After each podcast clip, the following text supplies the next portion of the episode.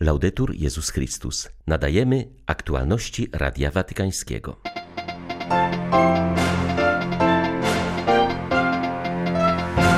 Ukraińcy obawiają się rosyjskiej inwazji, dlatego są wdzięczni papieżowi za jego wsparcie i modlitwę, powiedział arcybiskup Światosław Szewczuk, komentując niedzielny apel Franciszka o pokój na Ukrainie. Ja jestem z Tobą przez wszystkie dni. Te słowa wybrał papież na temat pierwszego Światowego Dnia Dziadków i Osób Starszych. Na świecie narastają prześladowania chrześcijan. Wyznawcy Chrystusa są gnębieni w co trzecim kraju.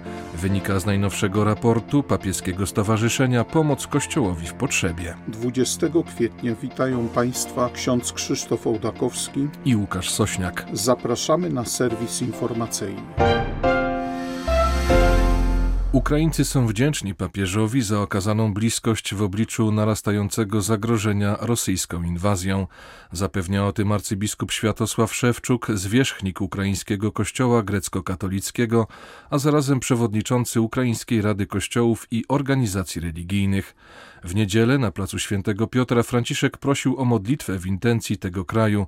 Przyznał, że jest zaniepokojony naruszeniem zawieszenia broni i wzmożeniem działalności militarnej na wschodzie Ukrainy.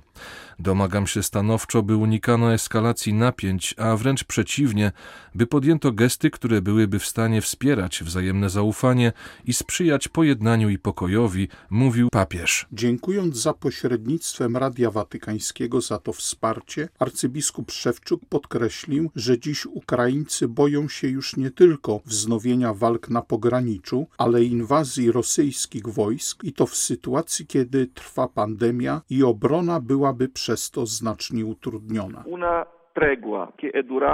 Przez niemal rok trwało zawieszenie broni, teraz jest ono naruszane. Nasilają się ostrzały i starcia militarne na wschodniej Ukrainie.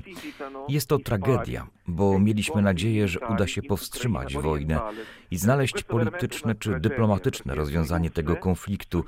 Wszyscy wiedzą, że dla tej sytuacji nie ma rozwiązania militarnego, ale jest też drugi powód do obaw. Ukraińcy obawiają się bardzo silnej koncentracji wojsk rosyjskich wzdłuż granicy z Ukrainą.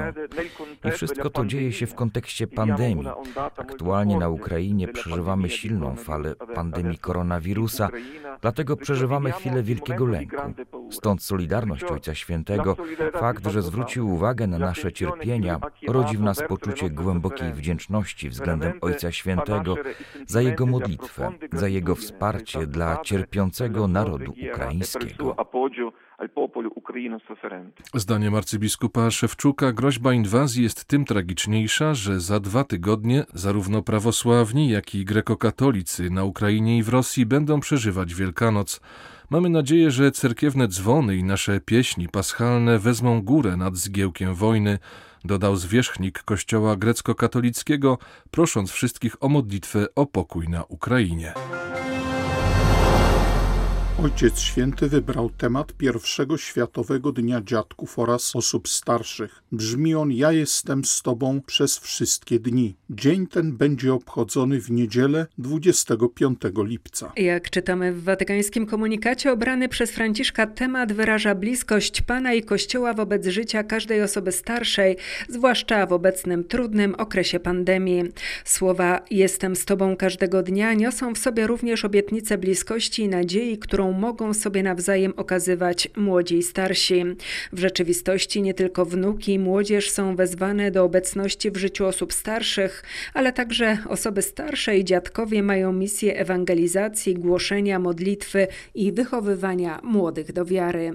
Decyzję o ustanowieniu Światowego Dnia Dziadków i Osób Starszych Ojciec Święty ogłosił w styczniu, tuż przed świętem ofiarowania pańskiego, wskazując, że podobnie jak w czasach Symeona i Anny, obojga bohaterów biblijnych w podeszłym wieku, także dzisiaj Duch Święty wzbudza w osobach starszych myśli i słowa mądrości. Postanowił, że ten dzień będzie obchodzony w całym kościele co roku w czwartą niedzielę lipca w pobliżu wspomnienia świętych Joachima i Anny, dziadków Jezusa. Radykalnie nasilają się prześladowania chrześcijan na świecie, wynika z ogłoszonego dziś raportu papieskiego stowarzyszenia Pomoc Kościołowi w Potrzebie. W ciągu zaledwie dwóch lat, bo w takim odstępie czasowym są opracowywane te ogólnoświatowe raporty, liczba krajów, w których chrześcijanie cierpią prześladowania bądź dyskryminację ze względu na swą wiarę, wzrosła z 38 do 62. Oznacza to, że wyznawcy Chrystusa są gnębieni już nie w co piątym kraju, jak to miało miejsce przed dwoma laty, lecz w co trzecim. Jak wyjaśnia w rozmowie z Radiem Watykańskim dyrektor włoskiego oddziału tej organizacji, to geograficzne poszerzenie skali prześladowań wynika przede wszystkim z radykalizacji dżihadyzmu, zwłaszcza w Afryce. Mnożą się organizacje terrorystyczne i dżihadystyczne. Jest to już nie tylko państwo islamskie czy Al-Kaida, Boko Haram, Ash-Shabaab powstało co najmniej 20 kolejnych organizacji islamistycznych. Wszystkie one są ze sobą luźno powiązane, ale mają jeden wspólny cel stworzyć wielki transkontynentalny kalifat. Alessandro Monteduro zastrzega jednak, że prześladowania chrześcijan nie ograniczają się bynajmniej do terenów, w których działają islamiści. E na liście krajów prześladujących chrześcijan na pierwszym i drugim miejscu nadal znajdują się państwa, gdzie chrześcijanie są gnębieni przez reżimy autorytarne, a zatem Korea Północna i Chiny. W tych krajach kwestionuje się nie tylko wolność religijną, ale narusza się wszystkie prawa człowieka. Korea Północna jest wręcz dla chrześcijan krajem zagłady. Inną przyczyną nasilania się prześladowań chrześcijan jest nacjonalizm etniczno-religijny, zwłaszcza w krajach azjatyckich o większości hinduistycznej i buddyjskiej, gnębione są wszystkie mniejszości religijne w imię wyższości etnicznej czy religijnej. Uważa się bowiem, że ci, którzy należą do tych mniejszości, nie są obywatelami pierwszej kategorii, lecz są jednostkami, które zagrażają jedności narodowej. Jak wskazuje z kolei dyrektor francuskiego oddziału organizacji Pomoc Kościołowi w Potrzebie, na szczególną uwagę zasługuje dziś rozwój sytuacji w Chinach ze względu na stosowane tam nowe formy opresji mówi Benoit de Blampré. Euh, w Chinach nastąpił w ostatnich latach znaczący rozwój techniki masowej kontroli, wykorzystującej sztuczną inteligencję. Mówi się, że w Chinach zainstalowanych jest dzisiaj 626 milionów kamer kontrolnych, które są połączone z systemem rozpoznawania twarzy. Pozwala to na wprowadzenie systemu tzw. Tak kredytu społecznego, którym każdemu obywatelowi przyznaje się lub odbiera punkty w zależności od zachowania, w tym również w zależności od praktyk religijnych. Ta sytuacja bardzo nas niepokoi. Dżihadyści z tzw. Tak państwa islamskiego zabili na egipskim Synaju chrześcijanina i dwóch członków lokalnego plemienia Tarabinów. Koptyjski patriarcha Egiptu Tawadros II jest poruszony brutalnym morderstwem handlowca, który przyczynił się do budowy kościoła w mieście Bir al-Abd na północnym Synaju. 62-letni Nabil Abashi Kadim został porwany 8 listopada ubiegłego roku. Po sześciu miesiącach niewoli ekstremiści zamordowali go strzałem w głowę. Do jego śmierci miało przyczynić się zaangażowanie w budowę kościoła.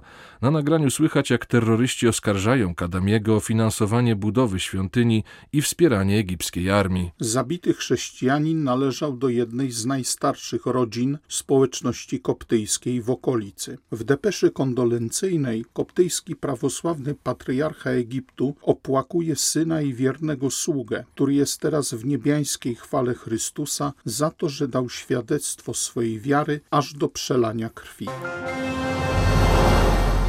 Wiara, nauka, społeczeństwo to temat radiowej debaty zorganizowanej przed Międzynarodowym Kongresem Eucharystycznym, który odbędzie się w Budapeszcie.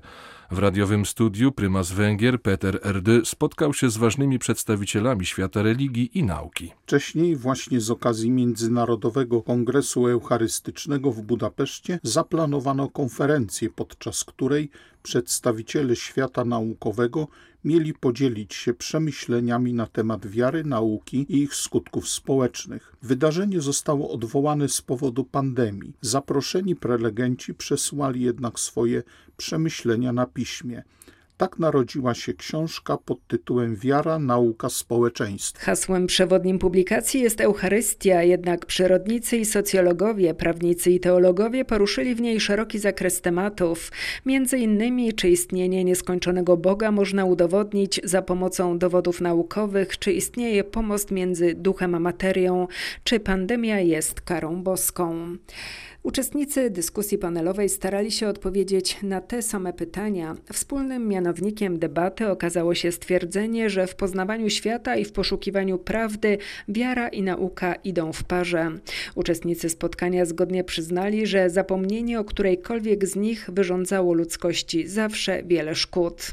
Była również mowa o pandemii. Jeden z uczestników porównał ją z biblijną historią wieży Babel. Obie mają globalny wpływ i pokazują rodzaj boskiej pedagogiki. Przypominają nam, że nadszedł czas, aby zatrzymać i zobaczyć, gdzie są nasze granice. Kardynał Peter Oerde, prymas Węgier, przypomniał, że w historii ludzkości wielkie epidemie zawsze były przełomem kulturowo-historycznym. Pandemia to nie czas na spekulacje i zarabianie pieniędzy kosztem tych, którzy cierpią. Te słowa w wywiadzie dla lokalnej gazety skierował do firm farmaceutycznych ordynariusz Asuncion. Zaznaczył, że w Paragwaju wiele rodzin żyje w skrajnym ubóstwie i bogacenie się ich kosztem jest wielkim złem. Arcybiskup Edmundo Valenzuel podkreślił, że jego kraj potrzebuje natychmiastowej pomocy międzynarodowej w zakupie leków. Nasi duszpasterze dostarczają je potrzebującym codziennie wraz z żywnością, ale to nie wystarcza, dlatego apeluję do firm farmaceutycznych o obniżenie cen szczepionek i innych potrzebnych medykamentów. Czytamy w wywiadzie dla Ultima Ora przyszłą niedzielę papież udzieli święceń kapłańskich dziewięciu diakonom, którzy w Rzymie przygotowywali się do kapłaństwa. Sześciu odbywało studia w rzymskim seminarium duchownym, dwóch w kolegium neokatechumenalnym Redemptoris Mater i jeden w seminarium Divino Amore. Spośród całej dziewiątki najmocniej, bo przez piłkę nożną, jest powiązany z Rzymem 28-letni Samuel Piermarini. Wzrastał przy stołecznym klubie Roma. Jak wyznaje w rozmowie z Radiem Watykańskim, jego proces odkrywania powołania do kapłaństwa rozpoczął się w dniu, kiedy zaproponowano mu podpisanie kontraktu w stołecznym klubie. Z jednej strony czuł, że spełniają się jego marzenia, ale zarazem miał poczucie, że nie jest to jego droga. To dążenie do rzeczy większych zostało mu zaszczepione na drodze neokatechumenalnej, w której uczestniczył od dziecka wraz ze swoimi rodzicami, mówi diakon Samuel Piermarini. Powołanie nie spada z nieba, ty odpowiadasz ok, zgadzam się. Powołanie to długi proces, w czasie którego odkrywasz, że twoje życie ma być inne. Ja byłem już zaręczony, grałem w piłkę nadszedł ważny dzień, kiedy powiedzieli mi w Romie, że od stycznia mógłbym być drugim bramkarzem, ale właśnie w tym momencie poczułem, że nie do tego jestem stworzony. A potem potoczyła się już cała seria różnych wypadków. W sposób dość naturalny rozstałem się z dziewczyną.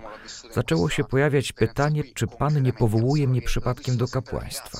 Oczywiście takie pytania nie biorą się znikąd. Należałem do drogi neokatechumenalnej. W ten sposób od dziecka przeżywałem swoją wiarę, ale nigdy nie przeżywałem tego w sposób dojrzały. Wiedziałem, że jest to istotne, ale dalej żyłem swoim życiem. Tym niemniej wiedziałem, gdzie są rzeczy ważne i piękne. Zasiano we mnie przekonanie, że żyjemy po to, aby robić coś wielkiego. I to we mnie pozostało. Dotarło do mnie to głoszenie Ewangelii. Były to aktualności Radia Watykańskiego. Laudetur Jezus Chrystus.